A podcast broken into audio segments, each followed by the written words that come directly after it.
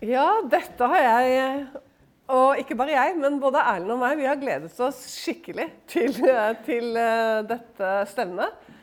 Og jeg klarte ikke helt å huske sist jeg var på pinsestevne. For pga. denne koronaen så har det liksom vært så lite samlinger. Og, og, så er det også sånn at vi har hatt et langt sykeleie begge to. Eh, og det er så godt å være på møter igjen. Så nå skal jeg nesten tale for første gang på to og en halv måned. Og det har aldri skjedd. I løpet av 22 år som forkynner så har jeg aldri hatt en sånn pause. Så jeg er så glad for å se dere hver især. Det er uh, virkelig så bra å komme sammen. Og De siste dagene så har jeg faktisk gått og sunget på en sang som jeg aldri synger på. Og den er hebraisk, og jeg er ikke særlig flink i hebraisk. Men har dere hørt uh, israelerne når de synger Salme 133? Du vet hvor godt og hvor herlig det er når brødrene kommer sammen. Det er som den gode olje ikke sant? som flyter nedover Arons hode og ned på skjegget og like ned på sømmen av hans kledebånd. Så jeg fikk så forventninger til at, uh, at han uh, Vår gode Jesus skal dukke opp. Uh, han har jo lovet at der hvor to eller tre Og vi er jo mange flere. Så her er det virkelig muligheter. så, ja, jeg tror det skal bli veldig bra. Uh, veldig fint å høre dere synge. Og, og så god en innledning om Stefanus. Og så godt å høre de gamle sangene. fordi at Erlend og jeg vi bor jo i Vestfold, og jeg tror ikke det er en eneste menighet lenger som synger, de, som synger for evangeliet. Det, det er jo så sprøtt. Jeg tenker sånn, Må det være enten-eller? liksom? Må det være sånn at nå skal vi bare synge det, eller så skal vi kaste ut alt det andre? Det er, vi er litt rare, vi mennesker. Så mange fine, eh, sant, åndelige Altså, sang som er født av Gud. Det er jo det vi driver med. Vi bygger jo med det som er født av Gud. Sant? Og vi kan ikke liksom kaste ut det, da. Så det var så godt. Og bare få høre alle disse her sangene som jeg er vant med fra gamle Berøa i Oslo. Jeg begynte nemlig å gå i Blåkors når Berøa var i Blåkors. Og Ludvig og Daniel Carlsen var forstandere der. Og det morsomme var at jeg kom fra en helt annen sammenheng, fra kirken. Og liksom hadde sittet i Oslo domkirke på andre benk i noen år. Men så var jeg sykepleierstudent på Ullevål og treffer, tror jeg, en av Norges absolutt herligste pinsevenner. Og jeg visste ikke engang hva pinsevenn var for noe. Og det rare Jeg hadde bare fått pinsevennpasienter i, eh, i to-tre uker. Så jeg var nesten litt engstelig når jeg, eh, når jeg hadde fått utdelt For du får jo utdelt de rommene og de pasientene du skal ha. ikke sant? Så jeg ble litt sånn småengstelig, for jeg tenkte at eh, nå ligger det sikkert en pinsevenn bak den døren der òg, liksom. Sånn. For det var det, og det, på den tiden så var Ludvig ute med hjertet på hjerteavdelingen flere ganger. Så jeg sånn bare jeg fått noe. Og der inne lå det en pinsevenn. Og selvfølgelig Du, nei, det var rett og slett litt sånn uh, underfullt. Ja, det var jo det. Og det ble en sånn herre Rett og slett uh, Det ble en perfect match. Altså, det ble bare Vi ble så glad i hverandre fra første stund. Og jeg så bare hun som et ansikt som lå der under dyna, med nesetippen over, og så hadde hun turkis strikkelue på hodet. Hun var møysomheten selv, denne kvinnen, men full av liv, full av Den hellige ånd. Med turkis strikkelue og så noen sånne store blå Ivo Caprino-øyne som tittet opp over den dynen. For hun trodde hun var på sykehus for første gang i sitt liv, og hun var 88 og trodde hun skulle på Ullevål for å dø. Hun hadde fått hjerteinfarkt og var selv sykepleier. Svært uh, bekymret over hele situasjonen. Og så ser jeg bare tannbørsten, og så ser jeg en stor bibel. Og så sier jeg til henne Åh, er du kristen? Så fantastisk! Og da tok hun dynen til side. Og jeg elsker å fortelle dette. Tar av dynen til side. Setter bena ut, griper stokken, og så sier hun Er det frelste folk her? du, det var kjærlighet ved første blikk. Og fra den dagen så var vi uatskillelige i, eh, i syv år. Hun reiste hjem, eh, flyttet høyere opp når hun var 95. Da måtte jeg gi slipp på henne.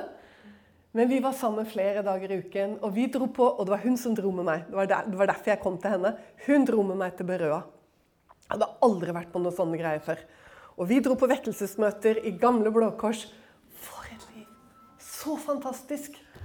Og der fikk jeg også møte Erlend og meg møtte hverandre på bønnemøte i Berøa en god del år senere. da. Men uh, det var bare så godt. Og jeg satt her og takket Gud på første benk for den veien jeg har gått.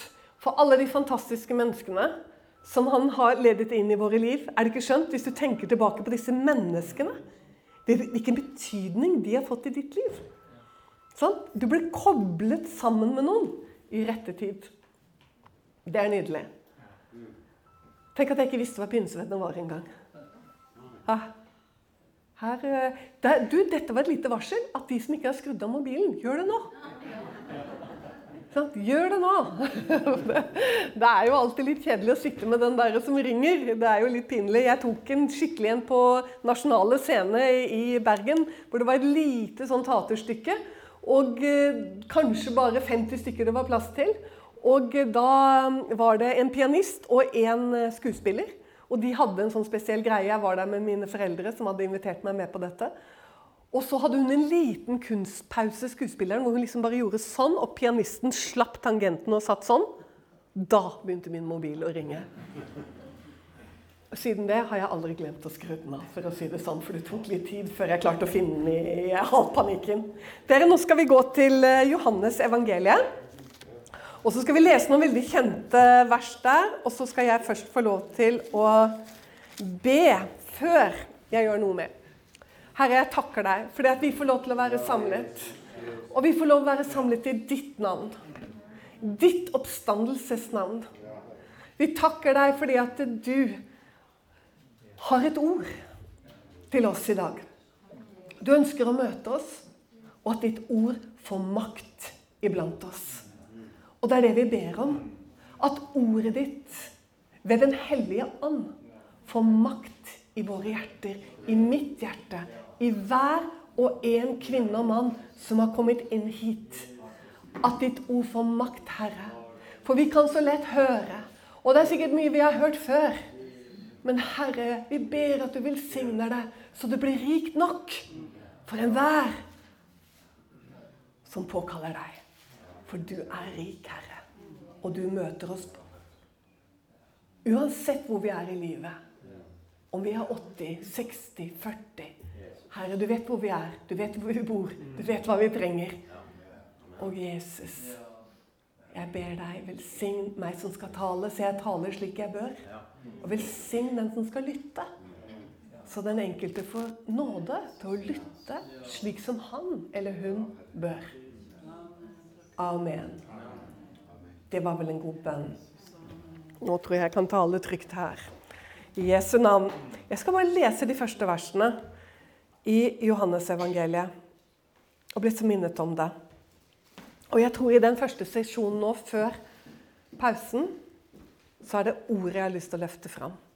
Og i etterkant så tror jeg at det er Den hellige ånd vi skal Nei, det kom en rar lyd. det var morsomt. Det høres spennende ut.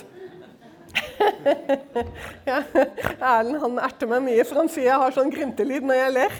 Men det er litt morsomt når den kommer i mikrofonen. Nei, nå må jeg bli alvorlig her. I begynnelsen var Ordet. Og Ordet var hos Gud. Og Ordet var Gud. Han var i begynnelsen hos Gud.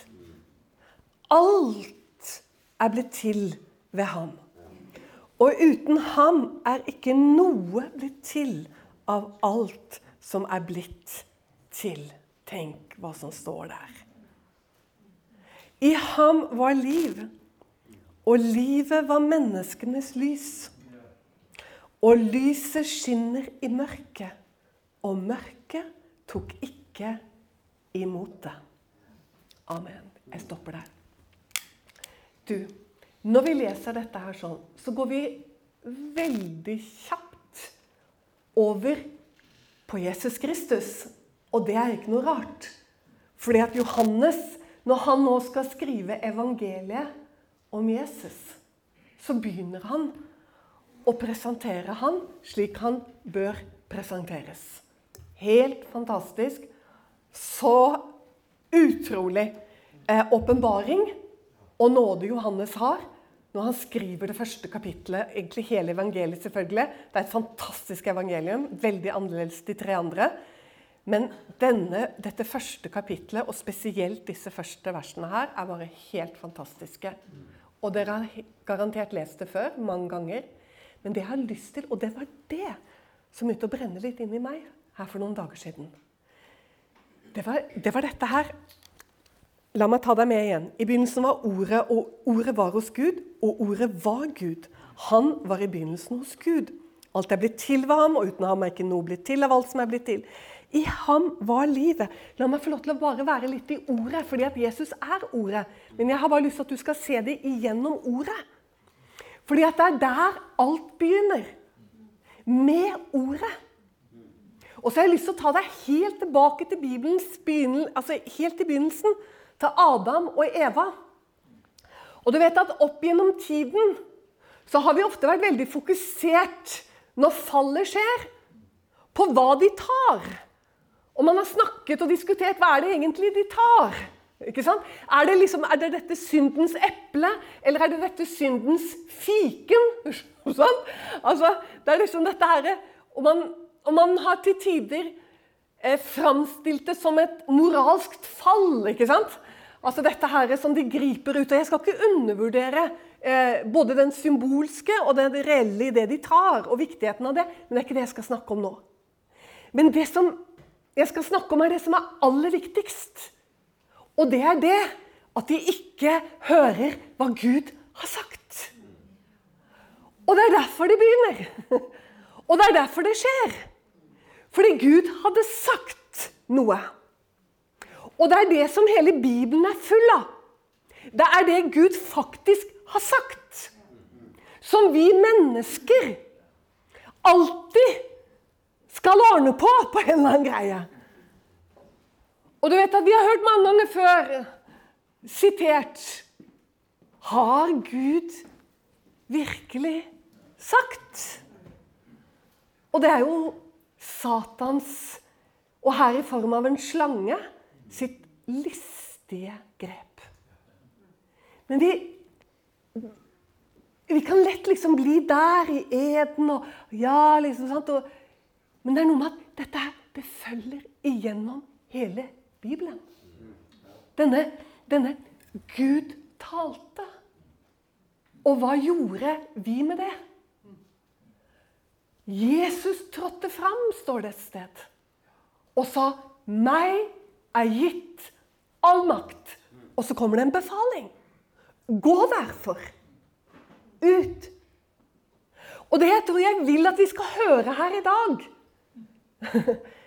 det er disse enkle, mektige ord som han forventer at vi lyder.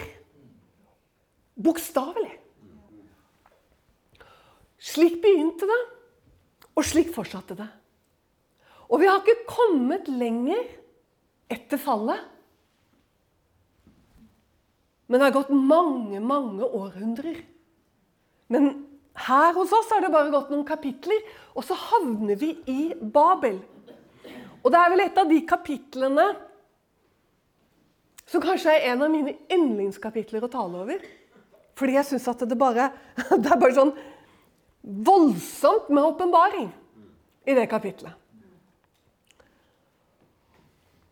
Og hvis man er litt fersk liksom, og leser der, så er det ikke sikkert at man helt skjønner greia med en gang. At hvorfor det er så fryktelig. At Gud, den treenige Gud, taler sammen og sier 'La oss stige ned'. Og når han snakker på den måten, så er det alltid noe alvorlig. Han, han steg ned i forbindelse med Sodoma. For da har han hørt noe. Det er, det er liksom noe som har kommet fra hans ører og syn. At han må ned og se nærmere hva menneskene driver med. Det er en slags sånn, det er akkurat som om Gud kan bli sjokkert. Og han sier det. Og dette er det første de tar seg fore. Ja, Men Gud, hva er det som er så galt? Det at det første altså de blir enige om, er å ikke lyde Han. Og ikke bare det at, han ikke, at ikke menneskene lyder Han, Men de gjør det motsatte av det han ba dem om. For på samme måte som Jesus trådte fram og sa 'gå ut' Nei. Det er ikke lett å gå ut. Det er mye lettere å bli. Men befalingen den har lytt helt ifra 11. kapittel i første Mosebok. Gå ut! Spre dere! Sant? Nei. Men religiøse var de. Ja da. Og de ville bygge et tårn som var så høyt at det nådde helt opp til himmelen. Og ja, og de var blitt enige, og de talte det samme språk. Og de, og jeg tenkte Gud, dette er jo fantastisk. Altså, jeg bare, Én ting er at de snakker samme språk, det er jo flott. Men at de er enige, Gud Du burde jo være så glad. Jeg mener Å få folk til å bli enige, det er jammen ikke lett. Og har du fått dem til å bli enige, og så attpåtil har fått dem til å bli enige om å jobbe for én sak Å, guri meg, hvor mange pastorer er det som ikke vet det? dette her, da? Hvor vanskelig alt sånt er? Det er fryktelig komplisert. Og nå er de altså De snakker samme språk. De er enige. De vet hva de vil. Kom! Men jeg har alltid blitt litt engstelig når jeg leser den der. Liksom. Jeg føler det er sånn Håper å si det er demokratiets totalitære vesen. Skjønner du? Når demokrati plutselig bare er å være et flertall. Det er skummelt, det. Er skummelt, det. Du vet, I Tyskland så var det jo demokrati i 1930-årene. Men det skumle er når flertallet sier 'Kom, la oss'. Sant? Hører du? Nimrod, han som var herskeren der. 'Kom, la oss bygge'. Sant? Og jeg hører alltid 'Å nåde den som ikke er enig'. Det er veldig, vet du. Hvordan, hvordan Bibelen, hvordan Guds ord, bare med noen få setninger, enkle ord, klarer å tegne et helt scenario for oss. Vi forstår hva som foregår. Altså, Og dette er det første de tar seg fore. Det er ulydighet. De bare begynner med en gang. Og nå, og nå bare vil jeg at du skal få med deg Har du hørt dette ordet 'bygningsmenn'? Det går igjen gjennom Bibelen. Det dukker opp i Salmenes bok, det dukker opp hos profeten Jesaja. Og så dukker det opp mange ganger i Det nye testamentet. Bl.a. når Jesus snakker, og når Peter snakker, så snakker han om bygningsmennene. Og hvem er de? Det er disse som driver med religion. Altså, vi driver med det, men vi hører ikke skikkelig. Fordi det som er litt skummelt, det er å bli en hører og ikke en ordets gjører. Og, og alle apostlene har jo skrevet om dette, her, og spesielt Jakob. Altså dette, dette her, For det, det, er jo akkurat det de er i Babel. De, de, har hørt hva Gud har sagt, men de bare gjør det ikke.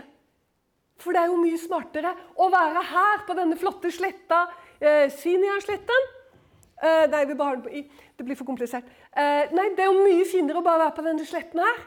For her kan vi bygge høyt, og her kan vi bygge fort, og her kan vi bygge med murstein. og her kan vi gjøre Det sånn. Det er jo mye skumlere å bli spredt. Hvorfor er det skummelt å bli spredt? Fordi i våre tanker så er det å bli svak. Altså, blir vi spredt, så blir vi jo svake. Så derfor må vi slå oss sammen og være store. Og, og, og jeg blir alltid litt nervøs når det blir sånne svære nettverk og sånn. Blir litt småengstelig. For da kan du fort få en sånn derre 'Kom, la oss', og så er det Ja, men er det det Bibelen sier, da? Eh, ha, hallo, vent litt. Eh, var det det Bibelen Var det det Gud sa, da? Ser dere alvoret inn i tiden? Nei, men vi bygger, vi. Vi bygger. Og vi bygger stort, og vi bygger høyt, og vi bygger fort. Ja, men uh, ja, men vent litt da, dere. Vi må, jo, vi, må jo, vi må, jo, høre hva han sa. Du, kjære venn, dette er forskjellen på å bygge med levende stein og bygge med tegl. Du bygger mye fortere med tegl. Du har fått alle til å bli enige. for det, det vanskeligste er å få folk enige når det er Guds ord. Fordi Guds ord rammer kjøttet. Og da er det liksom noen som Nei, nei, nei det, du, dere Og da er det gjerne en av de forstandige i menigheten som har en god idé. Om at hvis vi skal få lov å ha litt framgang her i kommunen og i fylket, og, og, få beholde den posisjonen vi har Nå, nå tuller jeg litt, men jeg er litt slem nå, altså. Men sant, skjønner du? Ja, forstår du? sant? Så må vi Ja da, vi, vi står jo Ja, vi gjør jo det. Men uh, det gjør ikke noe Altså, vi kan jo Vi må jo ikke bli tåpelige, kjære venner. Sant? Man kan bli veldig klok, vet du. Og så går man inn i dialoger og prosesser. Og før du vet ordet av det Du trodde kanskje, naiv som du var, at du var inne i en virkelig dialog. da. Men det som du etter hvert skjønte, det var at du var inne i noe hvor utfallet allerede egentlig var bestemt. Hvor man skulle hen. Det jeg vil at du skal se, er at Bibelen det er en, det er en fantastisk bok. Altså, det, Du kan gå inn vet du, hvor som helst her nesten, og så finner du disse røde trådene som dukker opp overalt, og som binder det hele sammen. Det er helt utrolig. Og en av disse stedene er Babel, som er en varsler om bygningsmennene som ble med gjennom hele Bibelen. Inn i Jesu egen tid så var de der. Og de bygger ikke med det levende ord. De bygger ikke med levende stein, som Peter sier. Det er jo for at vi skal skjønne at vi skal tilbake til Babel for at vi skal forstå hva Peter snakker om. Disse som snubler mot ordet, sier Peter. Interessant. Disse som snubler i vantro mot ordet. Og så står det det er de også satt til. Dertil er de også satt. Men hjørnesteinen Kristus, han som er ordet Det rare, vet du Ja, men vi er jo ønsker å være så Jesus-fokusert. Ja, men så bra, da. Men vi må aldri glemme at når Johannes starter sitt evangelium med å si at i begynnelsen var Ordet, så forteller det alt om Jesus Kristus og hvem han er. Du vet, når han viser seg og når han kommer Du kan lese om det i Johannes' åpenbaring 19, når han kommer tilbake på jorden. Da kommer han ikke for å bli lagt i en krybbe, men han åpenbarer seg med et sverd. Og hvor går det sverdet ut hen? Det går ut av hans munn. Nok. Og så står det det at han har fått et navn. Og hva er det navnet som står skrevet på han? Det er Guds ord. Jesus sa, 'Jeg er ikke kommet for å dømme.' Jeg er kommet for å frelse. Første gang han kom. Men så sier han noe mer, for det kommer et komma bare, og så sier han noe mer, og så sier han Men de ord jeg har talt til dere, vil dømme dere på den ytterste dag. Ser du? Så når Johannes presenterer ham i første kapittel, så er det så bra, det han gjør. Fordi han viser med en gang og setter hjørnesteinen, autoriteten for oss. Akkurat som du ikke kan bygge uten å ta hensyn til hjørnesteinen. Du kan ikke det, for da vil ikke ditt hus stå. Det vil falle. Du må bygge med hjørnesteinen. Altså, du må bygge med Guds ord. Det vil ikke stå seg. Men bygger du med tegl, så trenger du ingen hjørnestein. Da trenger du bare enighet. Hører dere? Hvor mye lettere er det ikke å bli enige hvis vi dekker litt over her? Hvis vi gjør det litt enklere for oss? Å, men Eva, måtte du snakke om alt dette alvorlige greiene i dag? Nå er det jo pinsefest og greier. Og jeg må det! For jeg må tale det som han har lagt på meg. Jeg kan ikke tale noe annet. Vi lever i sånne tider, kjære søstre og brødre, vi som er samlet her. Vi kommer til å bli så prøvet på disse tingene. Åh, jeg hørte dere var kommet på dobbeltside i avisen, men det var kanskje under en svært positiv det vet ikke jeg. Men jeg, jeg, tenker vi kan etter hvert komme til å bli litt, få det litt vanskelig. Og det er jo akkurat der de forstandige kommer inn i menighetene. Skjønner du? Ja, men dette, kjære venner, dette løser vi sammen. Forstår du sånn? Det er liksom Det er intet nytt under solen. Vi kan godt dumpe det et sted til hvis du vil. Bare sånn for å få enda mer kjøtt på beina, så gjør det i Gamletestamentet. For det er jo mange som ikke forbinder det akkurat dette med Gamle testamentet. Jeg vet ikke. Men vi kan dumpe ned hos Saul. For Saul er jo en klassisk bygningsmann. Han begynte sikkert ikke sånn. Kong Saul. Han ble jo salvet av Gud. Han er jo en troende mann. Han talte profetisk. Han, han, eh, han, eh, han hadde tro til Gud, og han fikk stå i store ting i begynnelsen. Men så fikk han frykt for folket. Ser du det? Det er jo her man begynner å bli lur. Det var Saul og Samuel. Og hvis du går til Jeg mener det er første Samuels bok, 15. kapittelet, hvor vi møter Saul og Samuel. En, du, å, dette må du lese når du kommer hjem i kveld. Det er så viktig. For du skjønner det at han hadde fått beskjed om noe igjen. Det var disse ordene. I begynnelsen var ordet. Hvordan hørte du, Saul? Hørte du ordet? Eller, eller, eller, fant du ut at du kunne høre det litt annerledes? Gud er så nidkjær på ordet sitt. Og Jesus Kristus, Guds ord. Det var jo det han hørte. Jesus Kristus, Guds ord, hadde talt. Men eh, Saul, han, han hadde hørt. Han hadde hørt. Og han sier han hadde hørt. Ja, men jeg hørte. Men så sier han det at ja men, ja, men Samuel, profeten Samuel kommer til ham og sier Saul, hva er det du driver med? Hva er dette her for noe? Hva er det jeg hører breking av alle disse her kyrne og alt dette her? Hva er det for noe, Saul? Hva er det du holder på med, Saul? Samuel, du, jeg fikk en god idé. I stedet for å, stedet for å drepe alt som er av okser og kalver og, og fe eh, Det er jo fe, eh, unnskyld meg, av sauer og geiter og alt. Det var det Gud hadde sagt. For alt, alt var bannlyst gods. Alt var bannlyst. Dette her var vel agagittene. Og de er spesielle i Bibelen. Agagittene. Det er de der Moses seiret over når han sto og så sier at Guds banner skal være mot agagittene. Og det er det nå Gud har sendt Saul til krig mot. Nå gjør du ende på dem. For det var Guds vilje å gjøre ende på dem. Hør her. Hva er det du holder på med, Saul? Nå Ja Sant?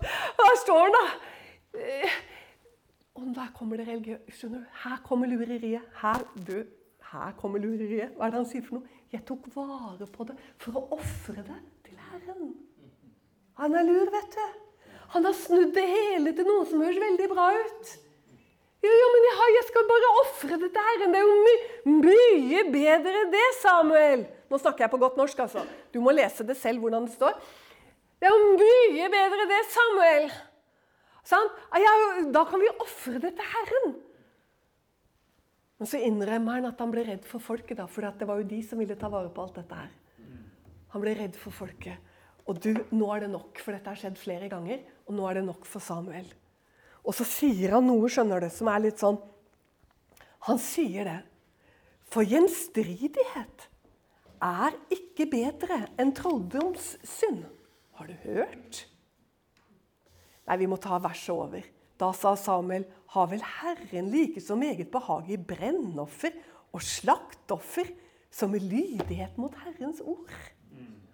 Det er nesten så jeg ser Adam og Eva står der og har kledd seg litt pent med fikenbladet, liksom. Hadde tatt av fikentreet òg, vet du, antageligvis. Så fått det hele det, liksom det treet de hadde spist av, det hadde liksom dekket og gjort det litt sånn fint. da. Så liksom dekket det hele til, så det så ikke så gærent ut. Sant? Selv om de følte plutselig at alt var gærent. Men det er jo litt det samme som skjer her med, med, med, med Saul. For plutselig så er det selve ulydigheten som eh, Ja, men det skal jeg skal jo ofre det. Vi skal gjøre noe godt ut av dette her, kjære venner. Det skal bli bra, dette her. Skal du se hvor bra det skal bli. Vi ordner dette til. Vi mikker det til. Du vet hva, Jeg tror Samuel var veldig streng der. Jeg tror ikke det var så lett å være Saul akkurat der. altså. har vel Herren like så meget behag i brennoffer og slakteoffer som i lydighet mot Herrens ord? Nei, lydighet er bedre enn slakteoffer. Hørsomhet er bedre enn fett av værer. Og så kommer det For gjenstridighet er ikke bedre enn trolldomssynd. Og guri malla, er det lov å si det? Nei, ikke fra talerstolen. Hjelpes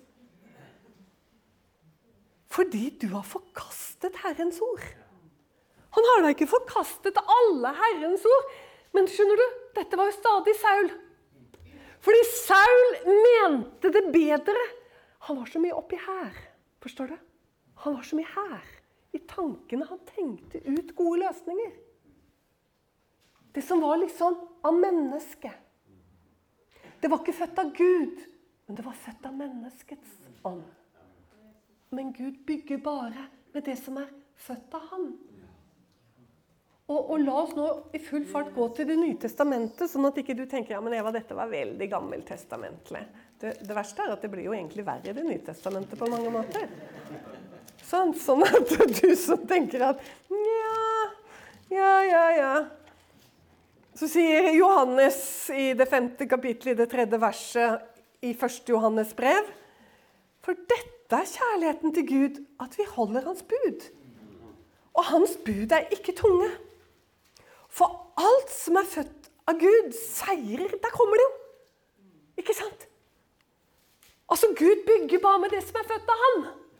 Ja, Men er du vanskelig, Gud? Nei, det er fordi at det er bare det som er født av Han, som seirer over verden. Det er jo det som er så vidunderlig. Sånn at liksom denne pekefingeren så høres så veldig sånn Eh, kjedelig ut. Den er jo helt fantastisk. For han ber oss om å være lydige. For at vi skal få lov til å være i det som er født av Han, og få lov til å oppleve seier. Det er ingen annen måte å oppleve seier på enn å bygge med det som er født av Gud. det er så bra. Og Peter vet du, han er jo, han er jo ofte nesten enda litt mer enn en, en Johannes. da. Og han sier i det første brevet sitt i det andre kapitlet, så sier han så sier han, Det er jo så veldig, veldig bra, da. Så kommer det For det heter i Skriften Se, jeg legger i Sion en hjørnestein. Utvalgt, kostelig. Og den som tror på ham, skal ingenlunde bli til skamme. Hvorfor det? Jo, fordi det er født av Gud, det du holder deg til. Dere altså som tror, hører æren til. Få med deg det. Dere altså som tror, hører æren til. Men de vantro.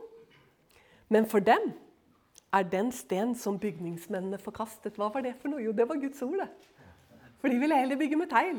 For de ville bygge fort, og de ville bygge høyt.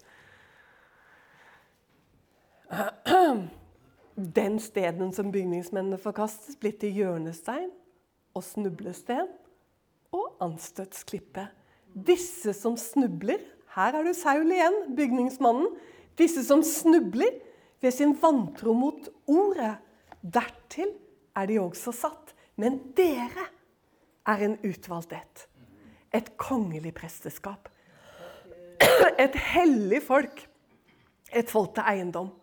For at dere skal forkynne Hans dyder, som kalte dere fra mørket til sitt underfulle lys. Har du noen ganger lurt på hvorfor Jesus Det har du aldri lurt på, for du vet det veldig godt. Men du vet at Jesus han sa det. Du vet jo veldig godt hva det betyr. Tror jeg, i hvert fall. Han snakket om at veien var bred, var det ikke det? Han snakket om at veien var smal, og så snakket han om at porten var trang. ikke sant? Han sier jo det pga. Guds ord. For det er Guds ord som gjør Det er Guds ord som har en trang vei i denne verden. Det er ordet det handler om. Det er ikke trangt fordi at Jo, dette kan jo være det òg, fordi man blir forfulgt. Og, det, kan være, det, kan også skape trengsel, sant? at det blir trangt. Men det er ordet Akkurat som når Johannes sier hvorfor han var på Patmos. Hvorfor sier Johannes at han var på Patmos i fangenskap eller i konsentrasjonsleir? Han sier at han er der for Guds ords skyld. Så at han vil stille seg på linje med sine brødre, som lever i trengsel. De syv menighetene som han skal skrive til, de er alle sammen i stor trengsel. Og han vil stille seg sammen med dem. Og så vet alle de menighetene om alle apostlene som har dødd. Men så vil Johannes stille seg på lag med dem, for han lever jo fortsatt. Sånn. Men så sier han at han er der i konsentrasjonsleir på moderne språk. På Patmos for Guds ords skyld. For en ære. Dere som hører æren til, sa Peter. Halleluja, Gud. For en nåde.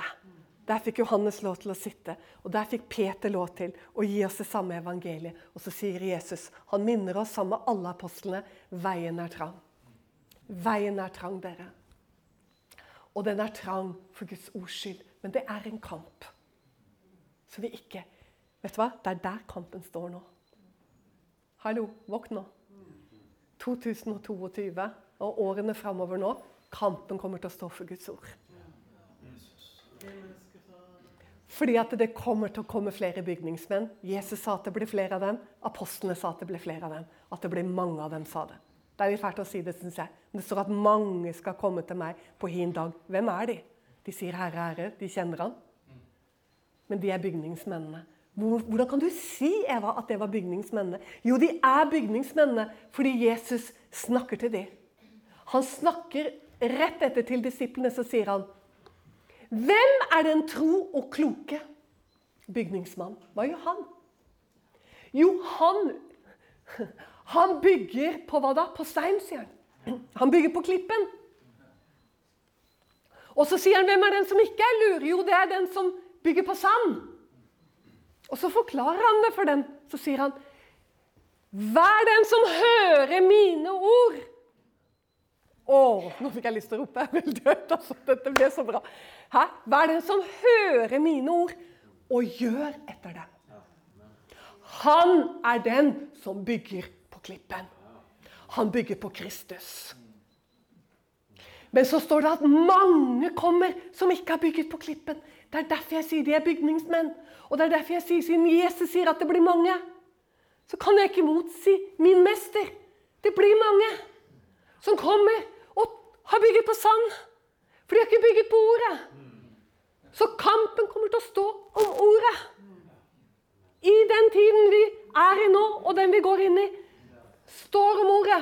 Står vi som bygningsmennene, bygger vi på klippen. Den kommer til å stå seg. Uansett hva som skjer, så kommer den til å stå seg. Men bygningsmennene, dessverre det, Vi ber til Gud at det blir så få av dem som overhodet mulig. Men du skjønner, det er frykten her. Og det er krefter. Så derfor skal du og jeg være frimodige med ordet. For folk står i en kamp. Mange menigheter står i kamp. De går inn i prosesser, de går inn i samtaler. Og mange av dem vet ikke helt hva de har begynt på. For faren noen ganger er når du begynner så, er du allerede i gang å skli. Men La oss ved Guds nåde fortsette dere å be og komme sammen. Og være kjempefrimodige.